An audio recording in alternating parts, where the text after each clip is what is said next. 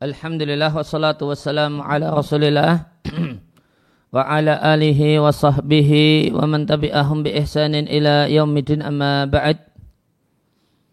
Kaum muslimin dan muslimah rahimani wa rahimakumullah. Sebelum kita lanjutkan membaca dan mentelaah kitab Fathul Islam karya Syekh Muhammad At-Tamimi rahimallahu taala. Maka saya ingin bacakan keterangan tambahan.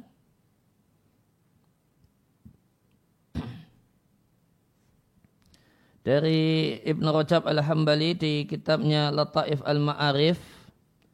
Untuk makna ayat Al-Yawma akmaltu lakum dinakum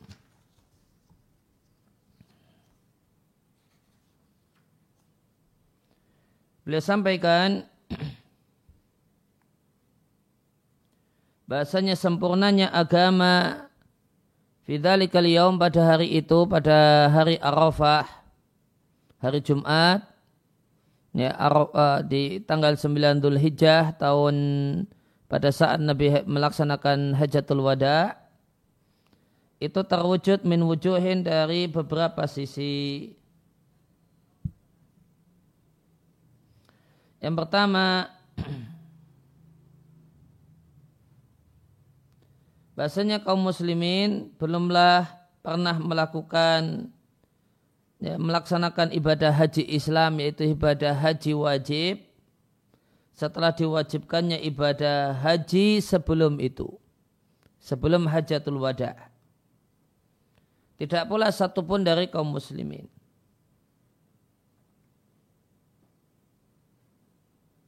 Jadi sebelum hajatul wada, hajinya kaum muslimin bukanlah haji bukanlah haji Islam. Bukanlah haji yang wajib. Maka sebelum hajatul wada ada haji yang dipimpin oleh Abu Bakar di tahun ke-9. Yeah. Nah, haji yang dipimpin oleh Abu Bakar di tahun ke-9 itu bukanlah hajatul Islam. Nah, hajatul Islam haji wajib karena tuntutan status sebagai seorang muslim itu baru ada pada hajatul wada. Demikian pendapat mayoritas para ulama atau banyak ulama. Maka sempurnalah dengan hal itu dengan dilaksanakannya haji Islam, maka sempurnalah agama kaum muslimin karena dengan melaksanakan hajatul Islam, haji Islam, maka mereka telah uh, lengkap mengamalkan semua rukun Islam. Itu sehingga itu yang disebut dengan al-yauma akmaltu lakum dinakum. Kemudian makna yang kedua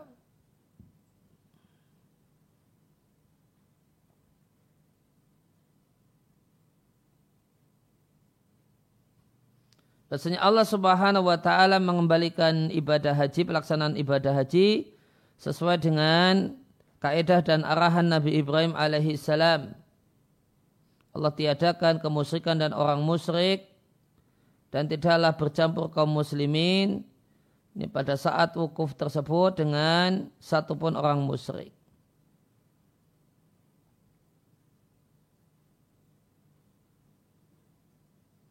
Syabi mengatakan ayat ini turun pada Nabi Shallallahu Alaihi Wasallam ketika beliau wukuf di Arafah, ketika beliau wukuf di tempat wukufnya Nabi Ibrahim dalam keadaan lenyap sudah kemusyrikan, dia hancurkan sudah menara-menara jahiliyah dan sudah tidak ada lagi orang yang tawaf mengelilingi Ka'bah sambil telanjang.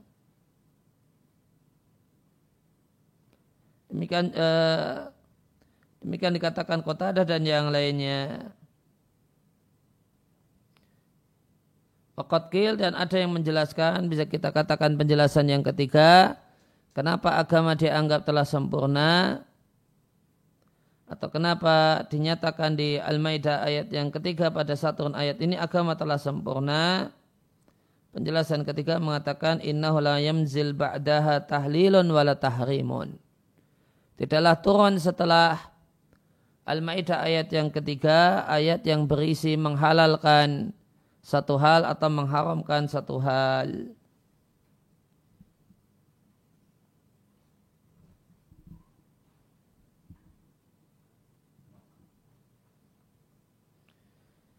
Kemudian yang kedua diperkenan dengan Al-Maidah ayat yang ke ketiga ini wa atmamtu alaikum ni'mati kulengkapkan untuk kalian nikmat-nikmatku. Kata Ibnu Rajab wa amma itmamun ni'mati sedangkan sempurnanya nikmat fa inna mahasala bil maghfirah maka itu hanya terwujud dengan mendapatkan ampunan. Maka nikmat Allah itu tidaklah sempurna tanpa mendapatkan ampunan darinya. Sebagaimana di surat Al-Fatah ayat yang kedua setelah Allah tegaskan kalau Allah mengampuni uh, nabinya dosa-dosa nabinya maka Allah katakan wa yutimmu ni'matahu alaik dan Allah sempurnakan nikmatnya untukmu.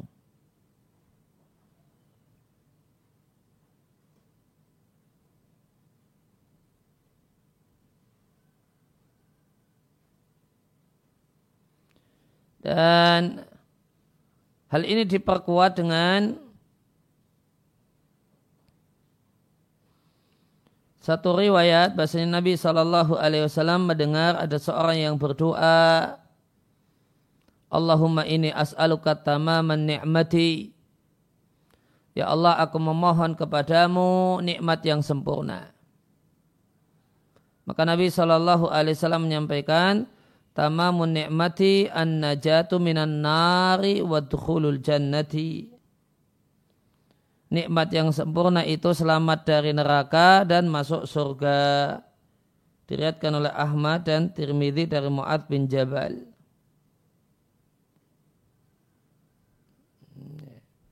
Maka uh, Ibnu Rajab menyampaikan intinya bahasanya nikmat yang sempurna, nikmat yang lengkap itu adalah dengan mendapatkan ampunan Allah Subhanahu wa taala.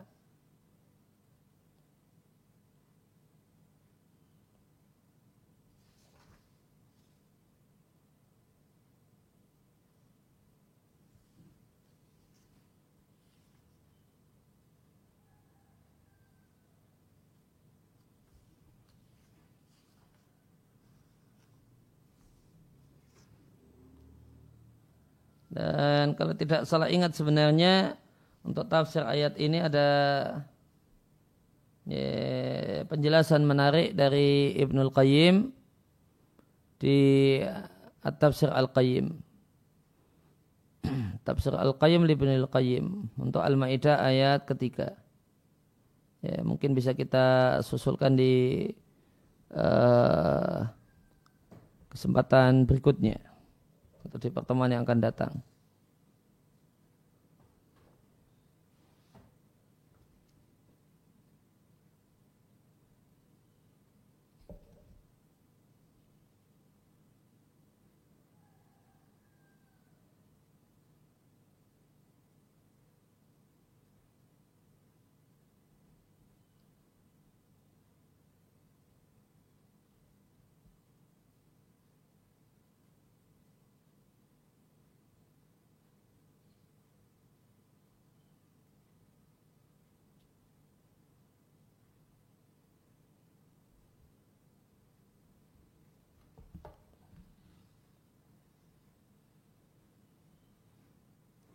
Kemudian tambahan yang kedua berkenaan dengan bab Fadlul Islam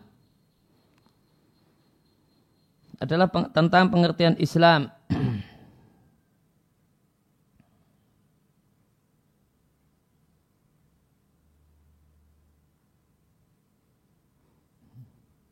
ya tentu Islam dari kata-kata salima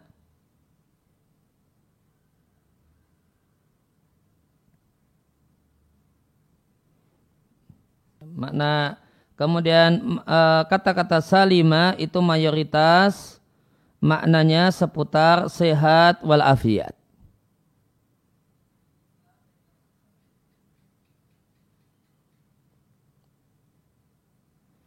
Nah, oleh karena itu kenapa agama Islam disebut Islam? Ibnu Faris mengatakan ya, dan termasuk dalam hal ini adalah Islam dalam pengertian kepatuhan. Li'annau yaslamu minal iba'i wal imtina'i. Maka kepatuhan, ketundukan itu disebut Islam karena orangnya selamat dari sifat jelek, enggan dan menolak untuk taat. Ar-Rahib Al-Asfahani mengatakan Islam maknanya ad-dukhulu fi silmi. Masuk dalam kondisi selamat, masuk dalam lingkaran keselamatan. Ya, dan yang dimaksud dalam lingkaran keselamatan adalah ayat selama kulu wahidin min huma min anyana lahu min a min alami sahibihi. Masing-masing dari keduanya selamat dari mendapatkan rasa sakit dari uh, dari kawannya.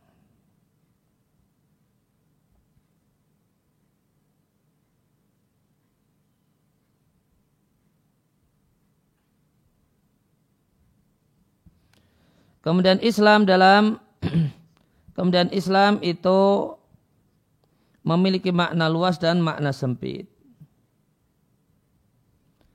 Islam dalam makna yang luas maknanya adalah Islamul wajhi lillahi memasrahkan wajah dan hati kepada Allah dengan pengertian ya, kesiapan untuk merendahkan diri kepada Allah dengan taat dan patuh kepada Allah dengan anggota badan, lahir dan batin, serta bebas dari kemusyrikan dan orang-orang musyrik.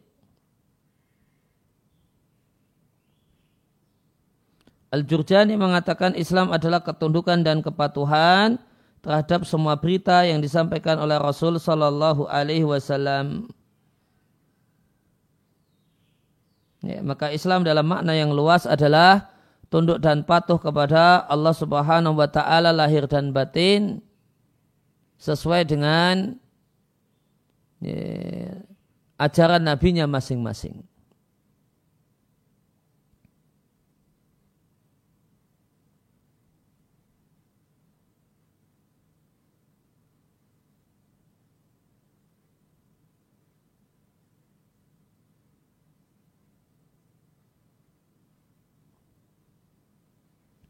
Kemudian Islam menurut syariat itu mengandung dua unsur ya jema'u maknayain. Ya mengumpulkan mencakup dua unsur ya jema'u maknayain. Yang pertama al inqiyadu wal istislamu kepatuhan dan kepasrahan. Ya, maka tidak mungkin seorang itu muslim tanpa ada kepatuhan dan kepasrahan kata-kata kepatuhan dan kepasrahan ya, mengisyaratkan harus ada amal. Maka bukalah seorang muslim orang yang ya, bersahadat dan katanya dia yakin Islam itu benar, badannya sehat, kemudian sehat walafiat, puluhan tahun demikian keadaannya non tidak pernah beribadah kepada Allah Subhanahu wa taala sekalipun.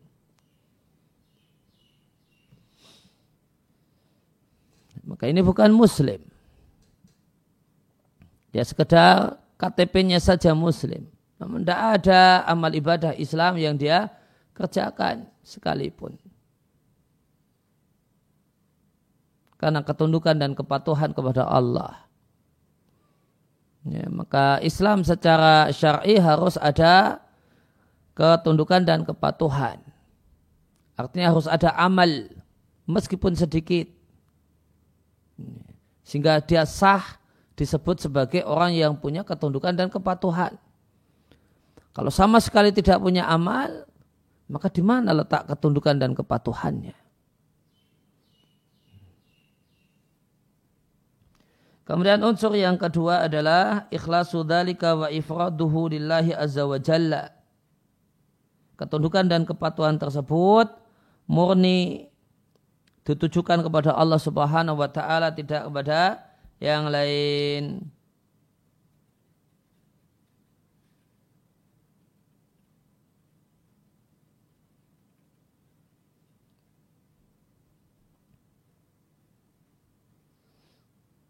Ya, maka uh, tadi Islam itu punya makna luas dan makna sempit. Dan Islam dalam makna yang luas adalah agama yang diajarkan oleh seluruh para nabi. Semua mereka mengajarkan Islam dan seluruh ajaran para nabi adalah beribadah kepada Allah Subhanahu wa taala. Kemudian yang kedua ada Islam dalam makna sempit. Itulah makna Islam setelah datangnya Rasul akhir zaman Muhammad sallallahu alaihi wasallam. Islam adalah makhtassa bihi Muhammadun sallallahu alaihi wasallam min ad-dini wa syir'ati wal minhaji. Adalah agama, syariat dan jalan ya, yang diajarkan oleh Muhammad sallallahu alaihi wasallam.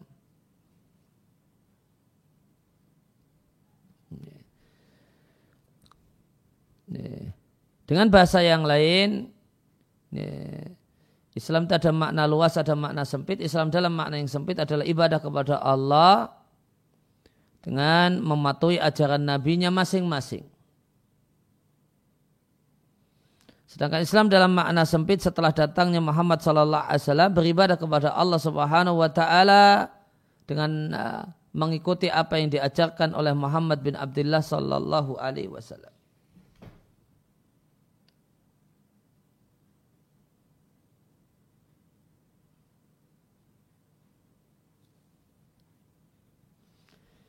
Kemudian di Majmu' Fatawa Ibn Taimiyah disampaikan bahasanya walahum martabatani Islam itu punya dua level.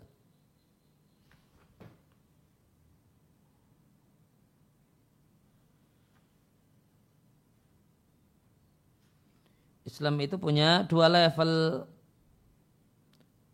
Yang pertama level zahir.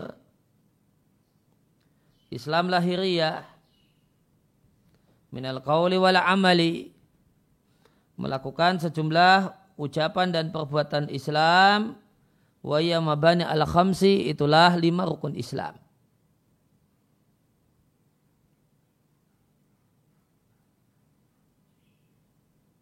maka Islam dalam level yang uh, level pertama ini tercakup di dalamnya orang munafik Islam lahiriah.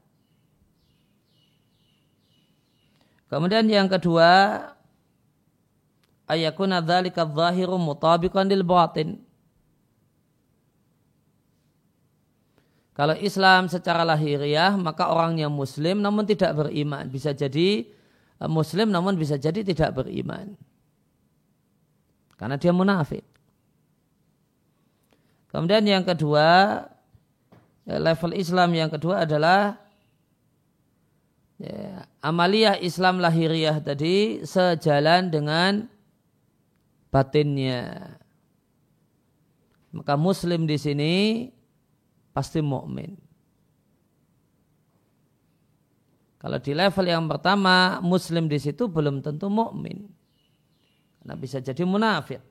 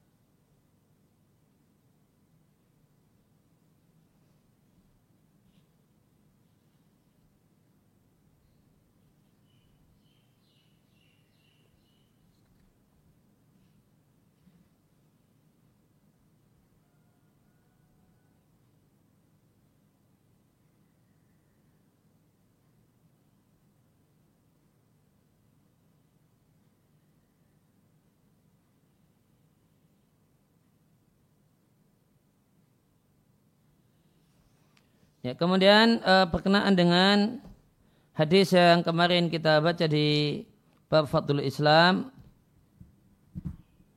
Ya. Kita jumpai ada hadis hadis yang kedua ada kalimat Allah menyesatkan hari Jumat Allah sesatkan umat-umat sebelum kita dari hari Jumat. Nah, apa makna Allah sesatkan umat-umat sebelum kita dari hari Jumat. Ada sejumlah penjelasan. Kesimpulannya adalah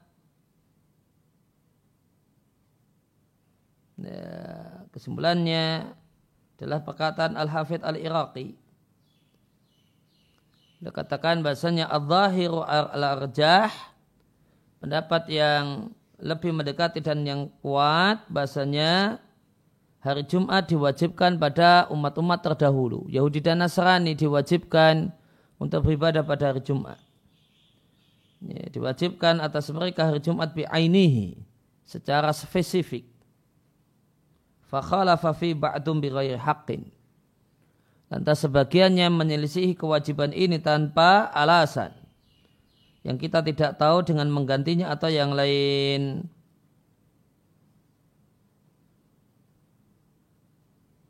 Kesimpulannya ya sebenarnya secara spesifik hari Jumat itu diwajibkan pada Yahudi dan Nasrani.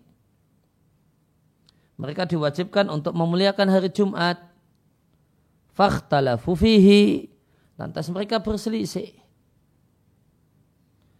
Fa'uqibu bihirmanihi. Lantas mereka diberi hukuman. Ya, sudah.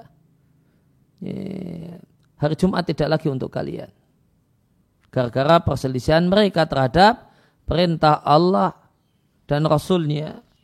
Wahadanallahu lahu dan Allah berikan petunjuk kita kaum muslimin untuk itu.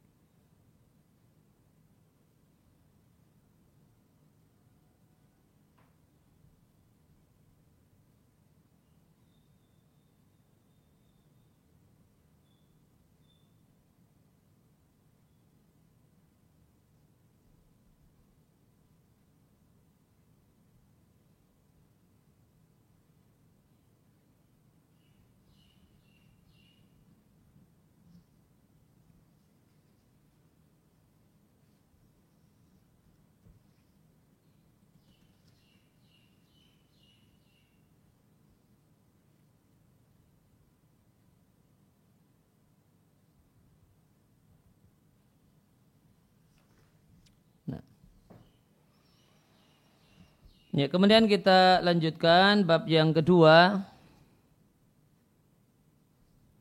yaitu bab ujubil islami.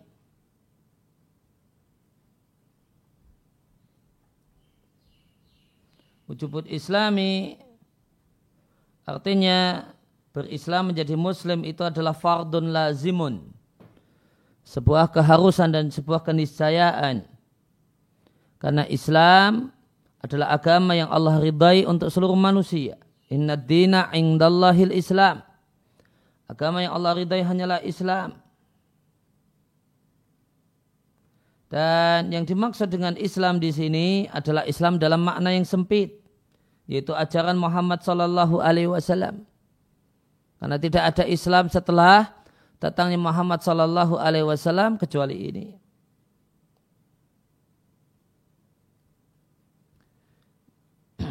Maka setiap manusia wajib komitmen dengan Islam dan meyakini Islam dan meyakini bahasanya Islam itu menghapus semua agama-agama sebelumnya.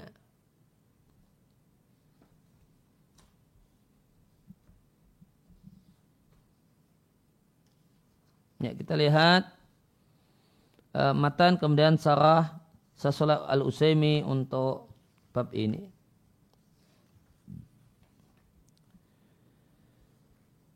Qala al-musannif rahimallahu taala bab wujubil islami bab wajib menjadi seorang muslim. Dan firman Allah taala siapa yang mencari agama selain Islam tidak akan diterima dan di akhirat termasuk orang yang merugi. Dan firman Allah taala Inna dina indallahil Islam. Agama di sisi Allah hanyalah al-Islam. Dan firman Allah Ta'ala, bahasa inilah jalanku yang lurus. Ya, ikutilah jalan yang lurus, janganlah kalian ikuti jalan-jalan yang lain. Fatafarqam bikum an sabili. Maka jalan-jalan yang lain itu memisahkan kalian dari agama, dari jalannya. Mujahid bin Jabir, ulama tabi'in mengatakan yang dimaksud dengan berbagai macam jalan adalah berbagai macam bid'ah, wasyubuhat, dan berbagai macam dalih. Dari Ibunda Aisyah radhiallahu anha Rasulullah sallallahu alaihi wasallam bersabda, siapa yang mengada-adakan dalam mengada-ada dalam agama ini sesuatu yang bukan bagian darinya, ya, maka yang diada-adakan itu tertolak. Akhojahu dikeluarkan oleh keduanya Bukhari dan Muslim.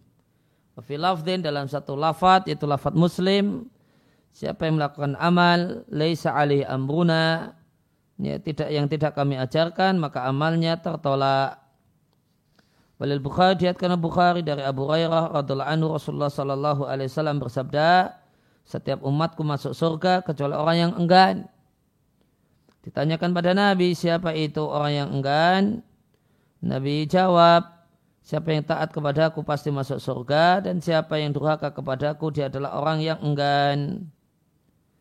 Wafisahih dalam hadis yang saya dari Ibnu Abbas radhiallahu anhuma Rasulullah sallallahu alaihi wasallam bersabda abghadun nasi ilallahi thalathatun. Manusia yang paling Allah benci itu ada tiga jenis manusia. Yang pertama orang yang melakukan kejahatan di tanah haram.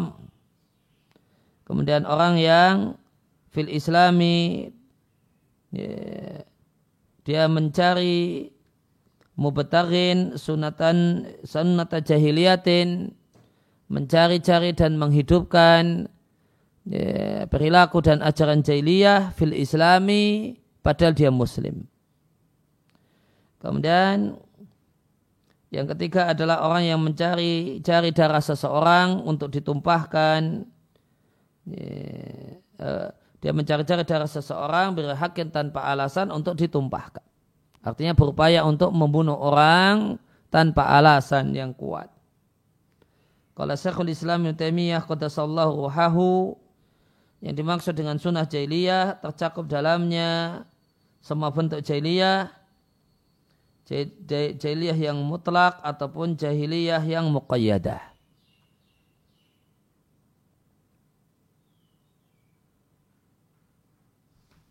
Ya, nanti kita akan lihat penjelasan untuk uh, mutlaqah dan muqayyadah di uh, sarahnya Sasolah Usaimi.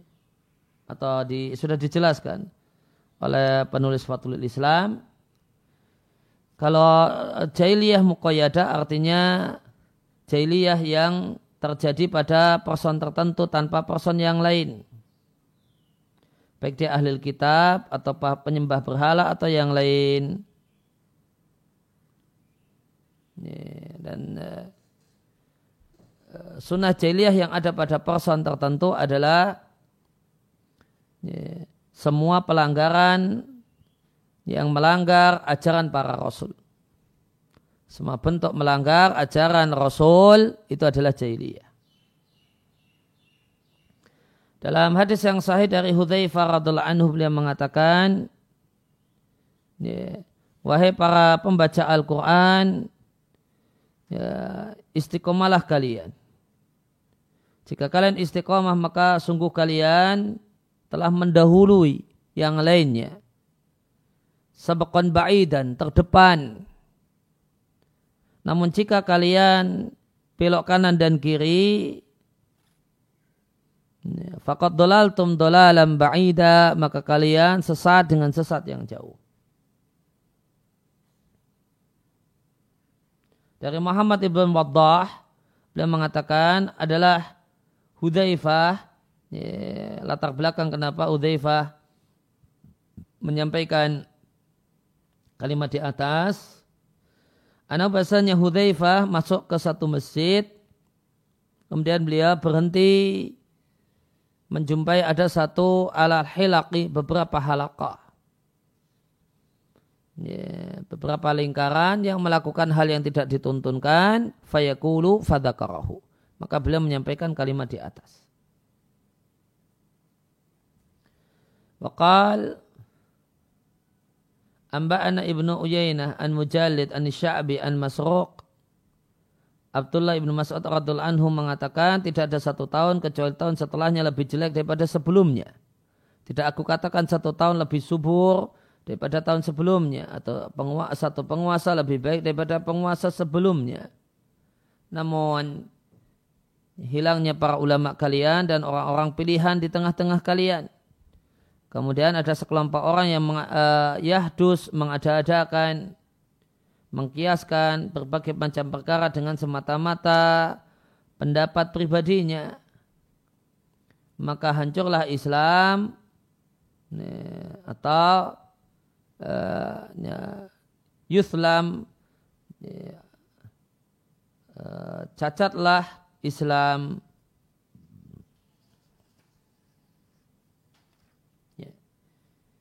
Kemudian kita lihat kalau syari wa faqahullah. Inti dari judul bab, maksud dari judul bab adalah menjelaskan hukum masuk Islam. Dan bahasanya masuk Islam dan menjadi muslim sebuah kewajiban. Ya, dan dalam uh, ya, dan dalam dari sisi uh, bahasa Arab ya, maka wujub itu adalah buah dari al-ijab mewajibkan. Ada pihak yang mewajibkan yang melakukan ijab, mewajibkan yang lain, maka jadilah hal tersebut wujub.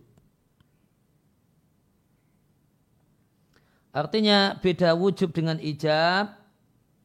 Wujub itu adalah dampak atau jejak yang menjadi dampak dari ijab.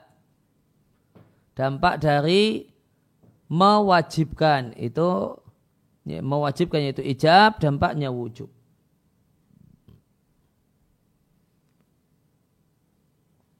Maka dikarenakan Islam itu wajib, maka kewajiban untuk masuk Islam itu melekat kepada semua manusia. Dan Islam yang dimasukkan di sini adalah agama yang diutus oleh yang Muhammad Shallallahu Alaihi Wasallam diutus dengan membawanya. Dan yang dimaksud dengan wajibnya berislam adalah seluruh makhluk dituntut untuk komitmen dengan hukum-hukum Islam. Fil khobari wa. Dalam berita dengan meyakininya. Ya, hukum dari berita adalah meyakininya. Meyakini kalau itu benar. Kemudian ya, komitmen dengan tolap tuntutan, tuntutan berbuat dengan melakukannya, tuntutan tidak berbuat dengan meninggalkannya. Kemudian Musanib rahimallahu taala menyebutkan delapan dalil untuk mewujudkan ya, maksud dari judul bab. Ketika beliau katakan berislam itu wajib, apa dalilnya? Beliau sampaikan delapan dalil menunjukkan wajibnya berislam. Dalil yang pertama surat Ali Imran ayat 85. Ya, hubungan antara ayat ini dengan judul bab fihi isi ayat ini isi dalil ini terdapat ancaman bagi seorang yang mencari-cari agama selain Islam.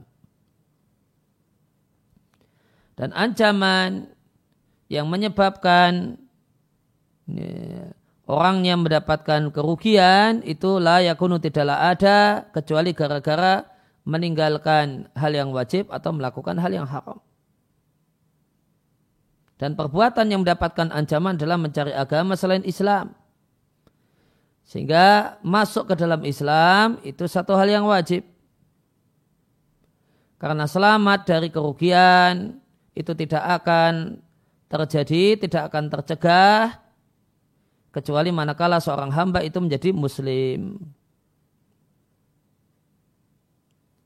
Maka ayat ini dilalah menjadi dalil wajibnya masuk Islam muratabatun fi muqaddimatin thalathin. Sisi pendalilan ayat ini sehingga ayat ini bisa kita jadikan dalil wajibnya berislam adalah e, muratabah dampak atau kesimpulan terjemah bebasnya muratabah e, makna asalnya e, dampak muratab dampak namun e, terjemah bebasnya simpulan. Simpulan dari tiga premi Tiga kalimat pendahuluan.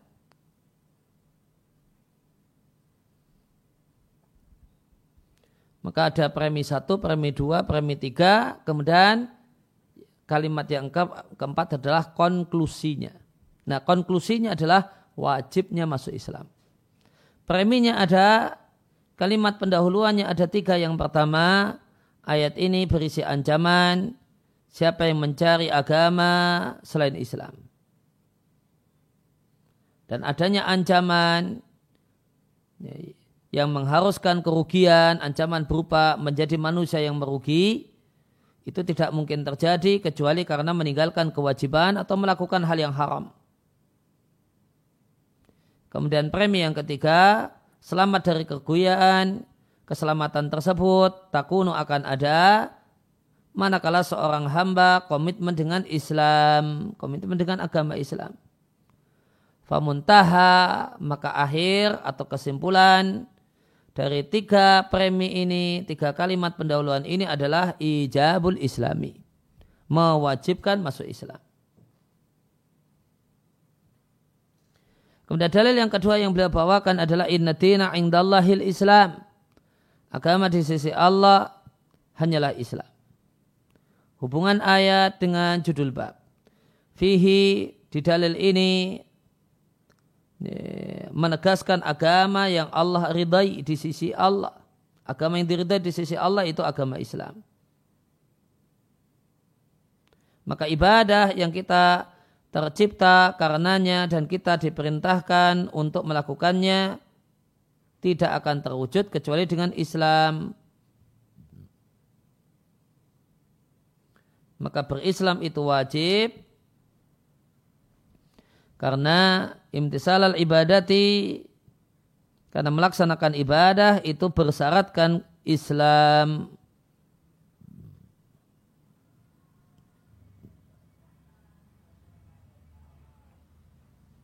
Dalil yang ketiga firman Allah Ta'ala wa anna hadha sirati mustaqima dan sebenarnya inilah ini uh, ini adalah jalanku dalam keadaan yang lurus. Hubungan antara ayat atau dalil yang ketiga dengan judul bab itu ada dua hubungan. Ada dua sisi hubungan. Yang pertama, fattabi'uhu, ikutilah jalanku ini.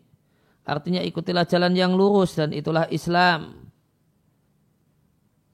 Tabata terdapat penafsiran siratal mustaqim dengan tafsiran Islam terdapat dalam hadis An-Nawas ibn Sam'an yang diatkan Imam Ahmad dengan sanad yang hasan.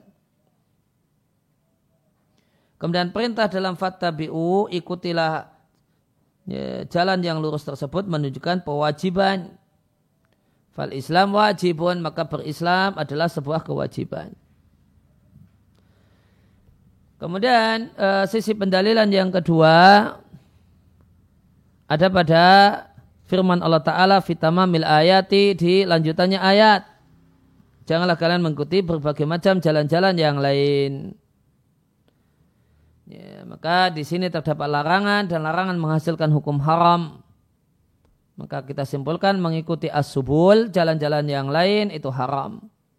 Dan seorang hamba tidak akan terjaga dari mengikuti jalan-jalan yang lain kecuali dengan komitmen dengan Islam.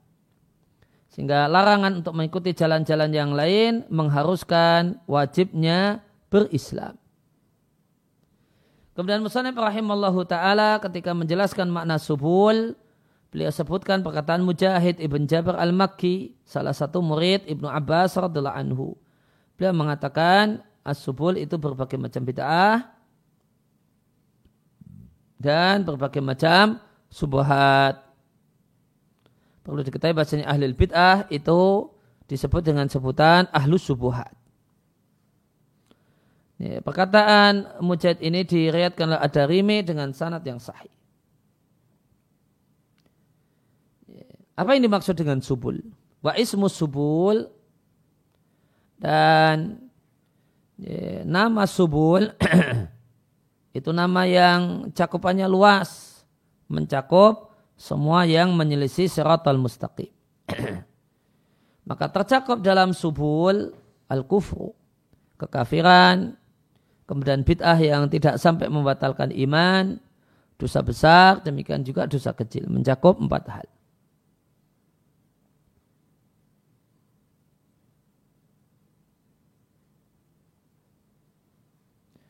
Maka yang disebutkan oleh dalam perkataan mujahid salah satu anggota dari nama subul.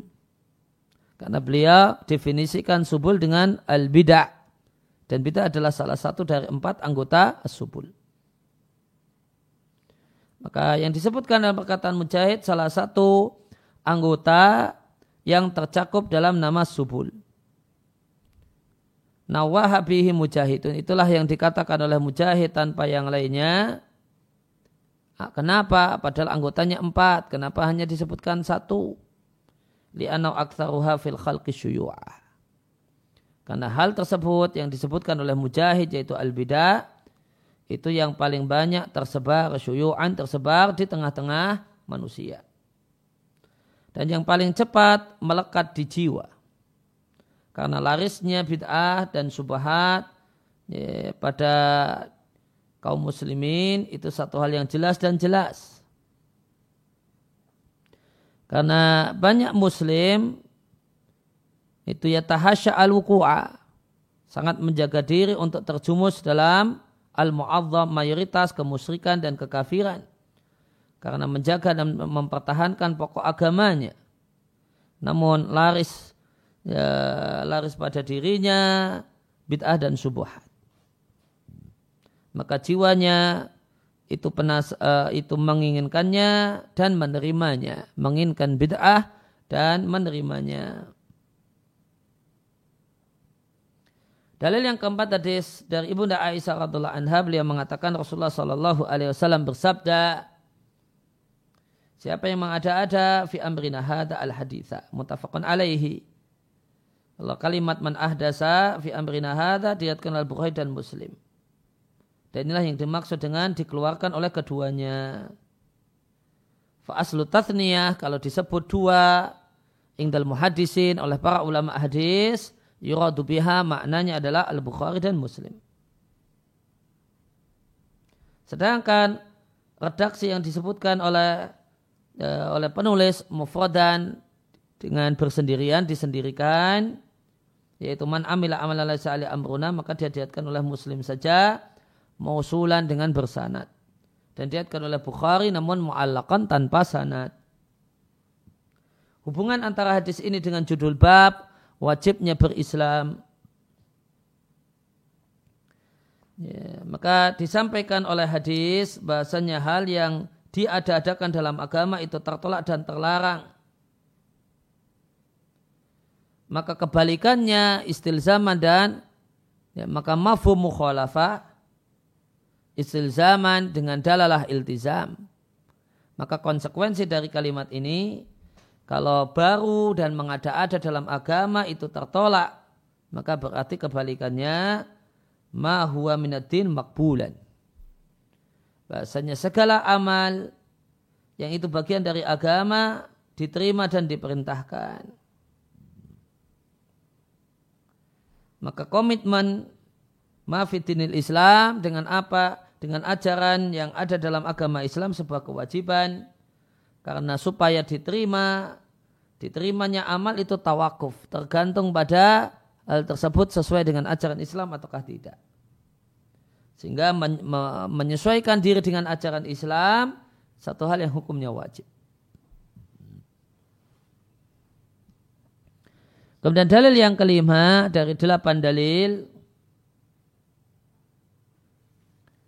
adalah hadis Abu Hurairah yaitu hadis dari sahabat Abu Hurairah radhiallahu anhu. Beliau menyampaikan sabda Nabi wasallam semua umatku masuk surga kecuali yang enggan.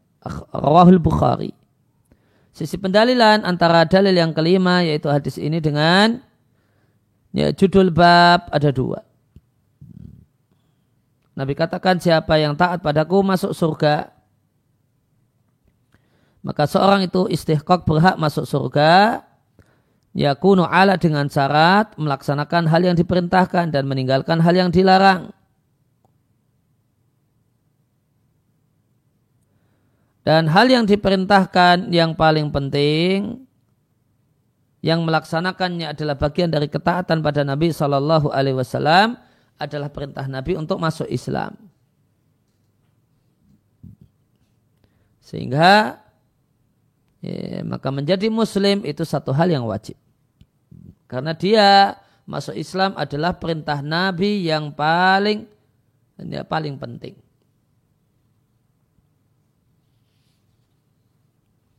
Kemudian hubungan yang kedua adalah pada kalimat siapa yang durhaka padaku fakot aba sungguh dia enggan.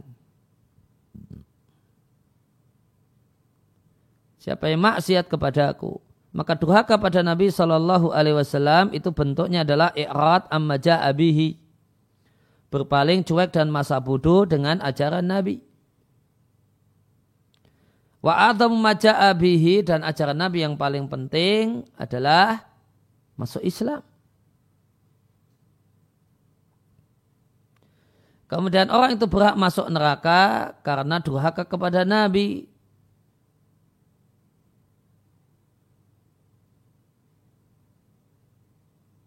Maka berhak untuk masuk neraka karena durhaka kepada Nabi dalam ajaran Nabi yang paling penting ini menunjukkan bahasanya ya, melaksanakan ajaran Nabi itu hukumnya wajib. Kesimpulannya berislam dan menjadi muslim itu wajib. Ya, karena dia adalah karena berislam adalah perintah Nabi yang paling penting dan tidak mau berislam, tidak mau menjadi muslim adalah kemaksiatan kepada Nabi yang paling penting.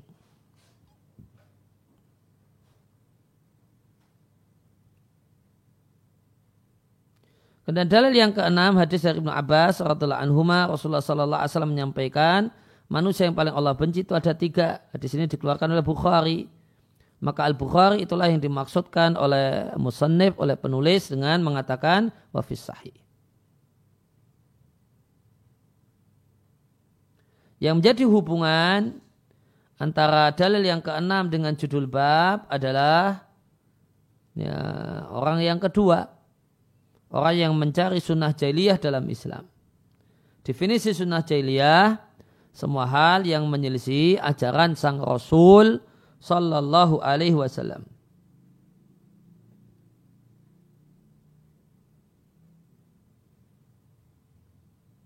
Dan semua ucapan dan perbuatan yang dikaitkan dengan jahiliyah itu adalah ucapan dan perbuatan yang haram.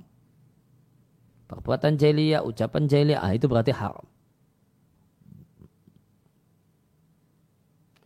Fal akwal wal af'al maka semua ucapan dan perbuatan dan keyakinan yang terdapat dalam teks syariat terdapat dalam teks syariat penegasan bahwasanya itu semua bagian jahiliyah bagian dari jahiliyah, nah itu semua hukumnya haram. Karena ucapan, perbuatan, dan keyakinan tersebut dinasabkan dan dikaitkan dengan keadaan bodoh.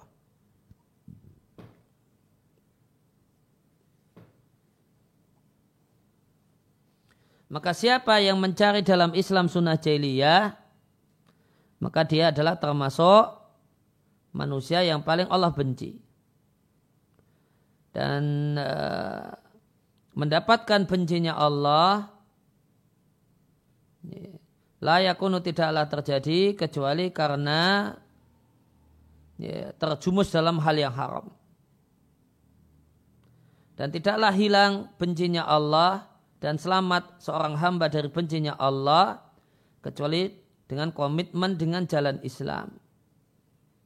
Sehingga berislam dan mengikuti jalan Islam itu hukumnya wajib. Yang dimaksud dengan jalan Islam adalah syariat Islam dan siar-siar Islam. Ya, maka sunan yang ada di tengah-tengah masyarakat kaum muslimin setelah diutusnya Nabi Shallallahu Alaihi Wasallam ada dua macam. Sunnah Islam dan sunnah jahiliyah. Sunnah Islam itu sama dengan siar Islam. Yang dimaksud dengan siar Islam adalah hal-hal yang wajib dan yang sunnah. Wahadihi min mahbubatillahi dan hal yang wajib dan hal yang sunnah itu bagian dari hal-hal yang Allah cintai. Wabiha amaradan yang Allah perintahkan adalah hal ini. Mahbubatillahi hal-hal yang Allah cintai. Kemudian sunnah jahiliyah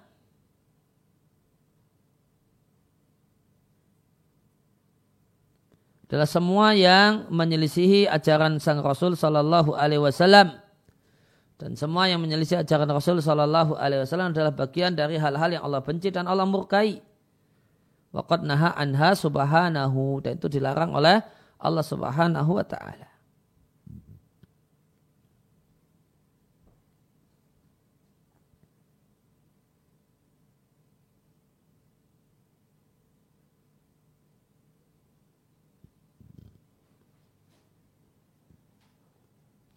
Kemudian dalil yang ketujuh perkataan Hudzaifah radhiallahu anhu beliau mengatakan ya ma'syarul qura al haditha. Hadis ini dilihatkan oleh Bukhari secara mauquf min kalamihi perkataan Hudzaifah. Kemudian tambahan dari Muhammad ibn Waddah ya ingdahu ya, tambahan tersebut ingdahu ya, di terdapat pada Muhammad ibn Waddah di kitab beliau, kitab tulisan beliau Al-Bida' wa Nahyu Anha. Dan sanad di kitabnya Al-Bida' wa Nahyu Anha sanadnya sahih.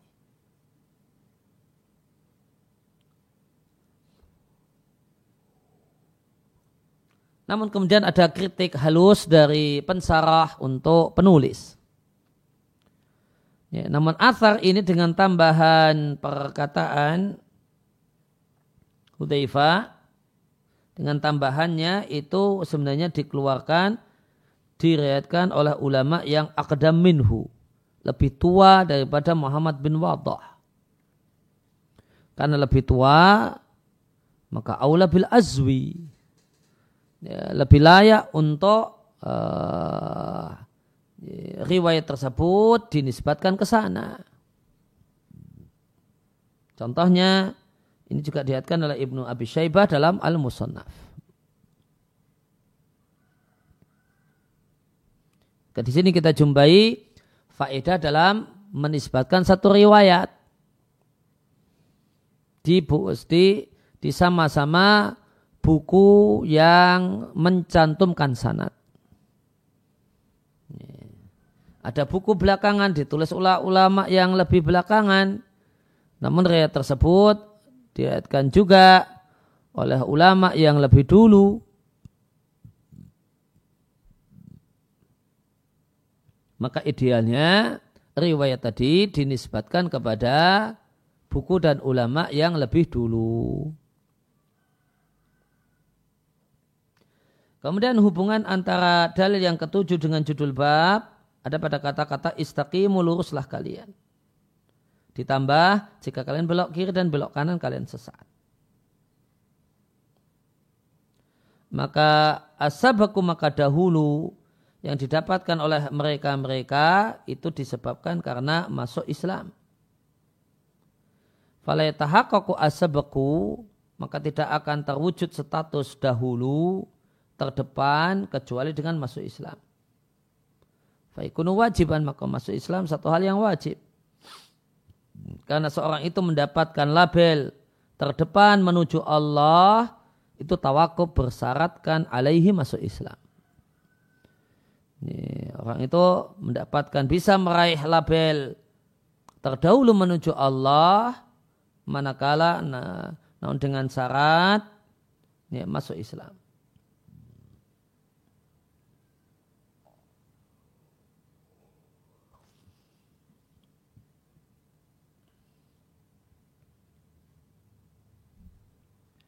Kemudian apa itu qura? Wal qura fi urfis salafi dan qura atau qari dalam budaya para ulama terdahulu ghaliban umumnya maknanya adalah orang yang berilmu tentang Al-Quran dan Sunnah dan mengamalkannya. Ya, maka berarti ya, ulama Wahai para ulama, wahai para ustadz, wahai para kiai, wahai para syekh, wahai orang-orang yang berilmu tentang agama, luruslah kalian. Dengan lurus kalian menjadi orang yang terdepan menuju Allah.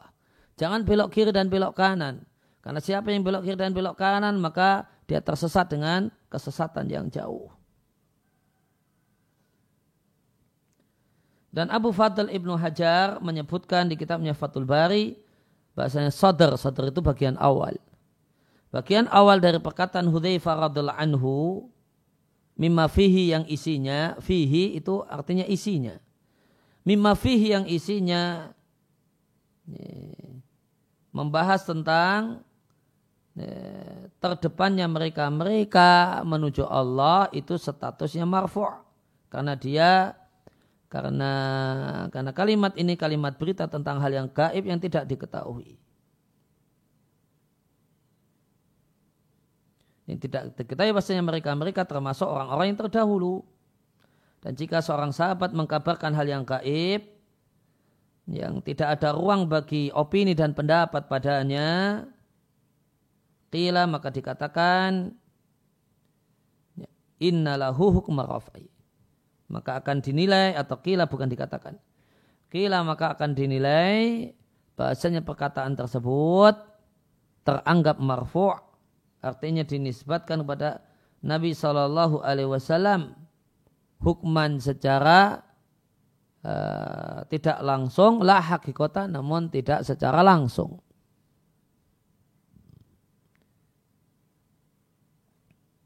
Ya, di sini kita katakan kandungan hadis ini itu asalnya dari Nabi. Kandungan perkataan sahabat ini adalah berasal dari Nabi. Karena redaksinya ya, berasal dari perkataan sahabat. Lakin hakikat, lakin hakikatu maknahu. Namun kandungan pesannya la buddalahu karena ini masalah gaib tidak boleh tidak itu harus sadirotan berasal dari berita dari wahyu. Ya, tadi kata Abu Fadl itu bagian awal. Kata Ibnu Hajar bagian awal itu yang lahu hukmu raf'i. Namun kata Sasolah al-Usaimi wala yab'udu. Dan tidaklah jauh, tidaklah mustahil bahasanya perkataan Hudzaifah seluruhnya bukan hanya bagian depannya itu lahu hukmu raf'i itu ter teranggap marfu.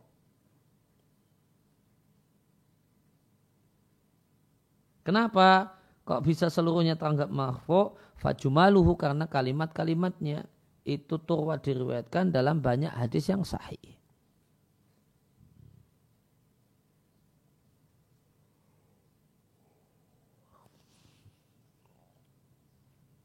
Kemudian dalil yang ke-8 yang terakhir di bab ini hadis Abdullah ibnu Mas'ud hadis dari sahabat Abdullah ibnu Mas'ud Beliau mengatakan tidaklah ada tahun kecuali setelahnya lebih jelek. Diatkan oleh Ibnu Waddah di kitab Al-Bida' wan Nahyu Anha, wan Nahyi Anha. Sebagaimana penisbatan yang disampaikan oleh musannif, sanadnya dhaif. Dan perkataan Ibnu Mas'ud ini juga dilihatkan oleh At-Tabarani. Ya, ingat baknya di, di fathah. Tabarani. Bukan Tabarani. Baknya disukun. Namun Tabarani. di kitabnya Al-Mu'jam Al-Kabir dengan sanat yang berbeda dengan sanat Ibnu Waddah. Sanat yang lain. Yang dimaksud yang lain adalah beda dengan sanatnya Ibnu Waddah. Namun sanatnya da'if. Nah kemudian ada kritik halus. Wal asu ilaihi awla. Nah, kritik halus dari pensarah.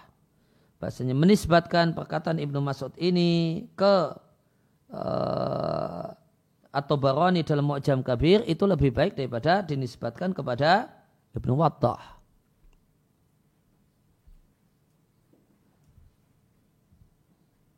Kenapa lebih baik kalau tadi uh, Ibnu Waddah padahal ada di apa?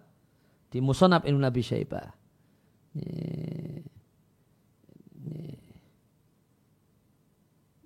Sebenarnya lebih bagus kalau dinisbatkan kepada Musonab dengan alasan karena Musonab Ibnu Abi Syaibah itu akdam.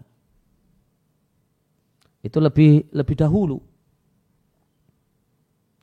Nah kalau di sini ini dilihatkan oleh Ibnu Waddah dan diriatkan oleh atau barani maka kata pensarah kalau mau nyebut salah satu ya ini kritik ini berlaku kalau nyebut salah satu kalau nyebut dua-duanya ya tidak apa-apa kalau nyebut dua-duanya itu kritiknya nanti di urutan urutan penyebutan misalnya tadi perkataan Ibnu Mas'ud kemudian dikatakan Roh Ibnu Wadah wa Tabrani fil Mu'jam Kabir. Nah, ini ya, ini tidak pas.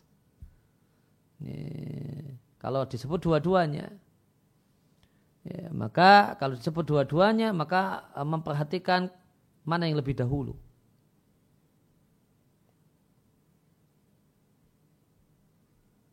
Mana yang umurnya wafatnya lebih dulu. Nah kalau cuma nyebut salah satu, maka di sini kita jumpai uh, kaidah dalam penyebutan dalam al azwul ahadis. Penyebutan siapakah yang meriwayatkan hadis? Kaidahnya li'anna bahwa ashar karena uh, kitab al-mu'jam al-kabir kayak atau berani itu lebih populer daripada kitab al-bid'ah wa nahyu anha karya Ibnu Waddah ya, maka urutan dalam masalah penyebutan atau kalau mau disebut salah satu uh, urutan mana yang lebih aula itu bisa pertimbangannya berdasarkan keterdahuluan. Siapa yang lebih dulu siapa yang wafatnya lebih dulu. Kemudian yang kedua dari sisi kemasyhuran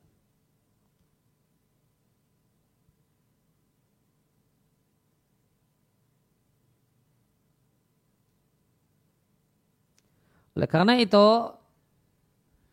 eh, ketika ada satu hadis yang diatkan oleh uh, Imam Malik dalam Muwatta namun juga Bukhari. Maka kalau menimbang kemasyhuran maka urutannya diriatkan oleh Al-Bukhari dan Muwatta. Al-Bukhari dalam uh, Al-Bukhari dan Malik dalam Muwatta. Menimbang kemasyhuran. Tapi kalau menimbang uh, menimbang keterdahuluan siapa yang lebih dulu tentu Muwatta Imam Malik lebih dulu. Sehingga jadinya diat Imam Malik dalam Muwatta dan diat dan Al-Bukhari.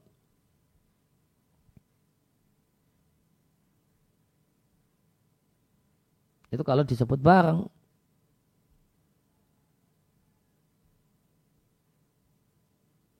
Tapi kalau mau disebut salah satu muwatta atau kasih Bukhari, maka sikap yang tepat ya, ya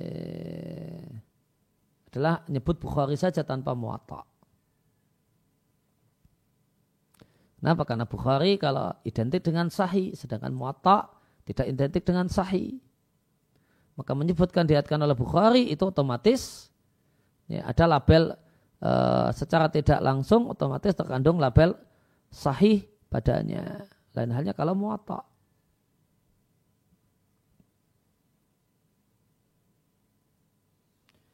Kemudian walahu dan uh, hadis ini memiliki sanat yang ketiga. Tadi ada sanatnya Ibnu Waddah, ada sanatnya At-Tabrani, Eh, dalam Al-Mu'jam Al-Kabir yang berbeda dengan sanad yang Waddah.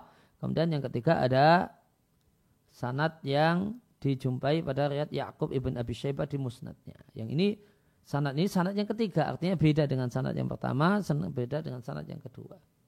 Sehingga totalnya berarti ada tiga sanad. Wa majmu'util katuruqi, maka gabungan tiga sanad di atas yakdi menghasilkan kesimpulan ayakun al-atharu hasanan.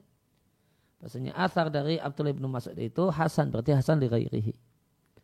Walahu raf'i dan memiliki status marfu karena kalimat ini tidaklah dikatakan min kibali ra'si ra'i dari sumber pendapat dan logika.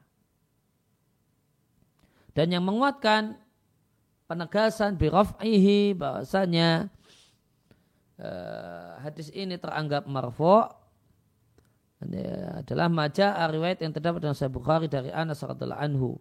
Ingat dari Anas kalau tadi Ibnu Mas'ud. Nabi uh, annahu qal Anas mengatakan bersabarlah karena tidaklah datang satu tahun kecuali tahun setelahnya lebih jelek. Aku mendengarnya dari Nabi kalian sallallahu alaihi wasallam. Nah, fahadal mazkur apa yang disebutkan dalam hadis dari Anas radhiallahu anhu ini nadir semisal dengan perkataan Ibnu Mas'ud. Laisa amun ila waladi ba'dahu syarun minhu. Ya, kemudian sisi pendalilan antara dalil ke-8 dengan judul bab. Sebelumnya fayahdimul Islam wa yuslamu. Yuslamu dari kata-kata asalmu artinya al-khalal error. Maka kejelekan itu semakin bertambah dengan hancurnya Islam dan rusaknya Islam. Dan hancurnya Islam dan rusaknya Islam itu sebabnya dengan hilangnya manusia-manusia pilihan dan hilang dan wafatnya para ulama. Maka tidak mungkin seorang itu terjaga dari kerusakan Islam kecuali dengan berkomitmen dengan Islam. Sehingga komitmen dengan Islam satu hal yang wajib. Maka jika manusia iltazama komitmen dengan agama Islam dan mereka beragama dengan ya, melakukan praktek agama uh, praktek beragama sebagaimana ajaran Nabi Shallallahu Alaihi Wasallam dan ini tersebar di tengah-tengah mereka maka Islam terjaga dan kuat di dalam jiwa. Namun jika mereka tinggalkan ma'adahabi ulama'ihim wa khiyarihim. Dan jika mereka meninggalkannya dalam keadaan hilanglah dan wafatlah para ulama dan orang-orang yang pilihan, maka ikatan Islam itu terus menerus tungkodu eh, lepas ikatan demi ikatan hatta la yabqa minhu syai' sehingga tidak tersisa sedikit pun. Ya, maka urutan babnya yang dibawakan oleh penulis sangat menarik sekali. Yang pertama tentang keunggulan Islam. Setelah orang itu faham Islam itu unggul, jadi Muslim itu istimewa, maka kemudian ditegaskan. Jadi Muslim itu sebuah kewajiban. Setelah menyadari jadi muslim itu istimewa dan jadi muslim itu satu uh, sebuah kewajiban, maka boleh jadi timbul tanda tanya. Islam seperti apa? Yang demikian istimewa, yang wajib untuk dipegang itu Islam seperti apa? Maka bab yang ketiga adalah bab tafsir Islam. Bab tentang uh, penjelasan apa itu Islam.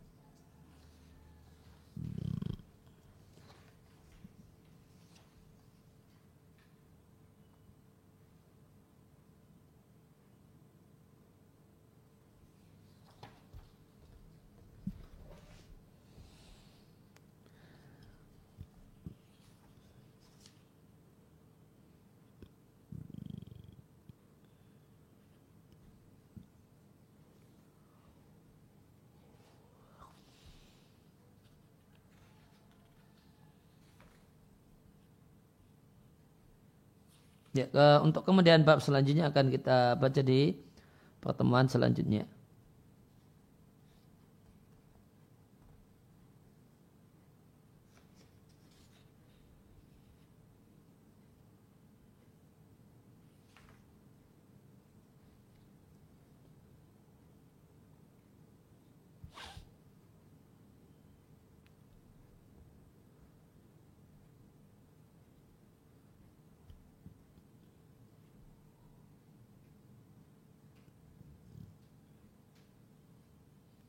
Uh, namun sebelum kita akhiri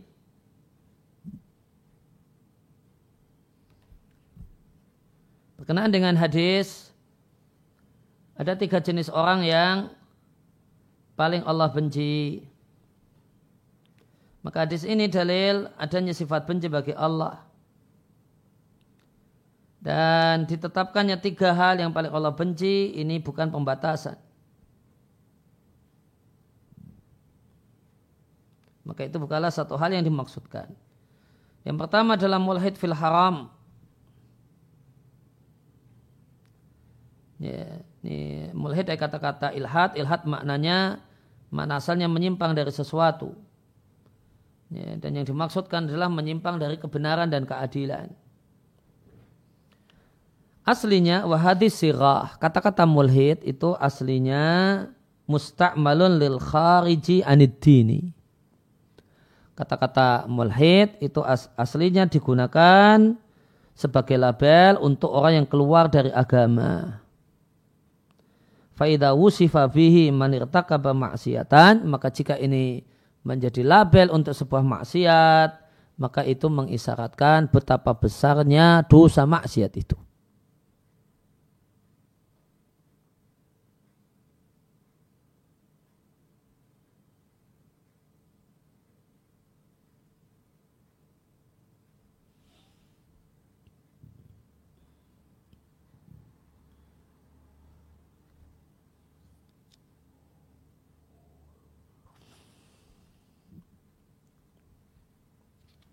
Ya, kemudian tadi kita jumpai istilah uh, jahiliyah mutlaqah dan muqayyadah. Jahiliyah mutlaqah adalah uh, jahiliyah adalah uh, dalam makna yang luas, dalam cakupan yang luas, itulah keadaan manusia sebelum diutusnya Muhammad sallallahu alaihi wasallam. Setelah diutusnya Muhammad sallallahu alaihi wasallam maka tidak ada lagi jahiliyah mutlaqah, adanya jahiliyah muqayyadah jahiliyah dalam bentuk tertentu di daerah tertentu atau person tertentu. Namun tidak menjenelar uh, general satu dunia. Ya, maka jahiliyah yang uh, mendunia, jahiliyah yang jadi pandemi gitu seluruh dunia itu hanya ada sebelum diutusnya Muhammad Shallallahu Alaihi Wasallam dan hilang dan tidak ada dengan diutusnya Muhammad sallallahu alaihi wasallam.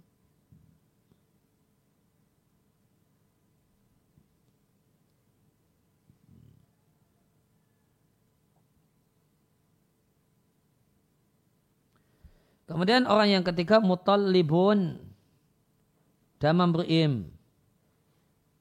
Mutallibun ini toknya ditasdid. Dan yang dimaksud dengan mutallibun adalah man yuballighu fit talab.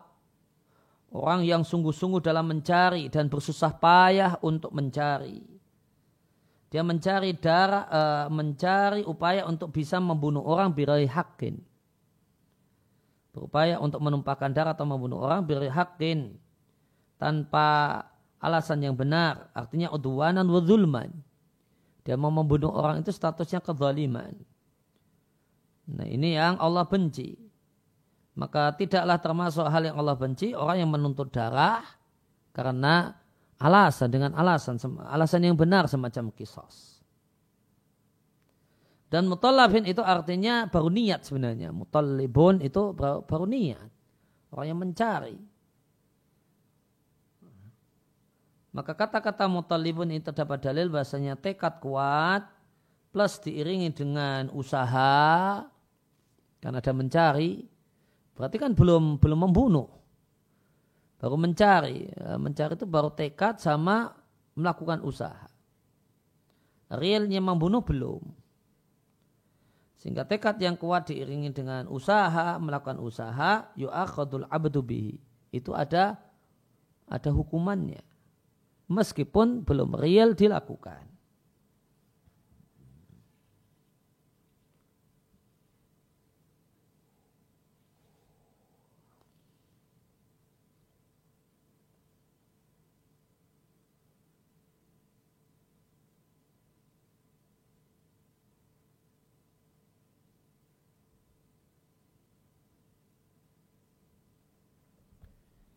Kemudian tentang fakat sabaktum sabqan ba'ida.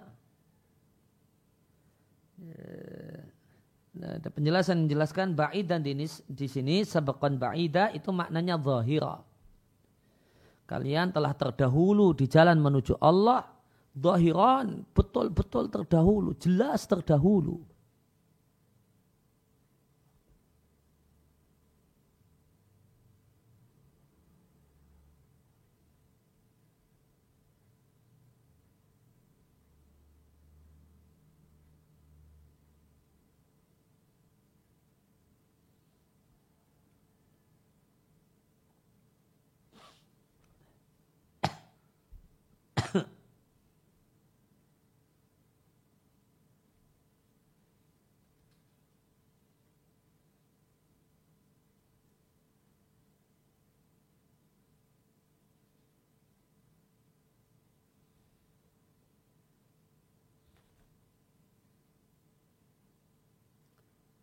Nah, demikian kurang lebih yang uh, bisa kami bacakan. Wassallallahu ala nabiyina Muhammadin wa ala alihi washabihi wasallam wa rada'ana alhamdulillahi rabbil alamin. Ada pertanyaan? Ya subhanaka Allahumma wa bihamdika asyhadu an la ilaha illa anta astaghfiruka wa atubu ilaik.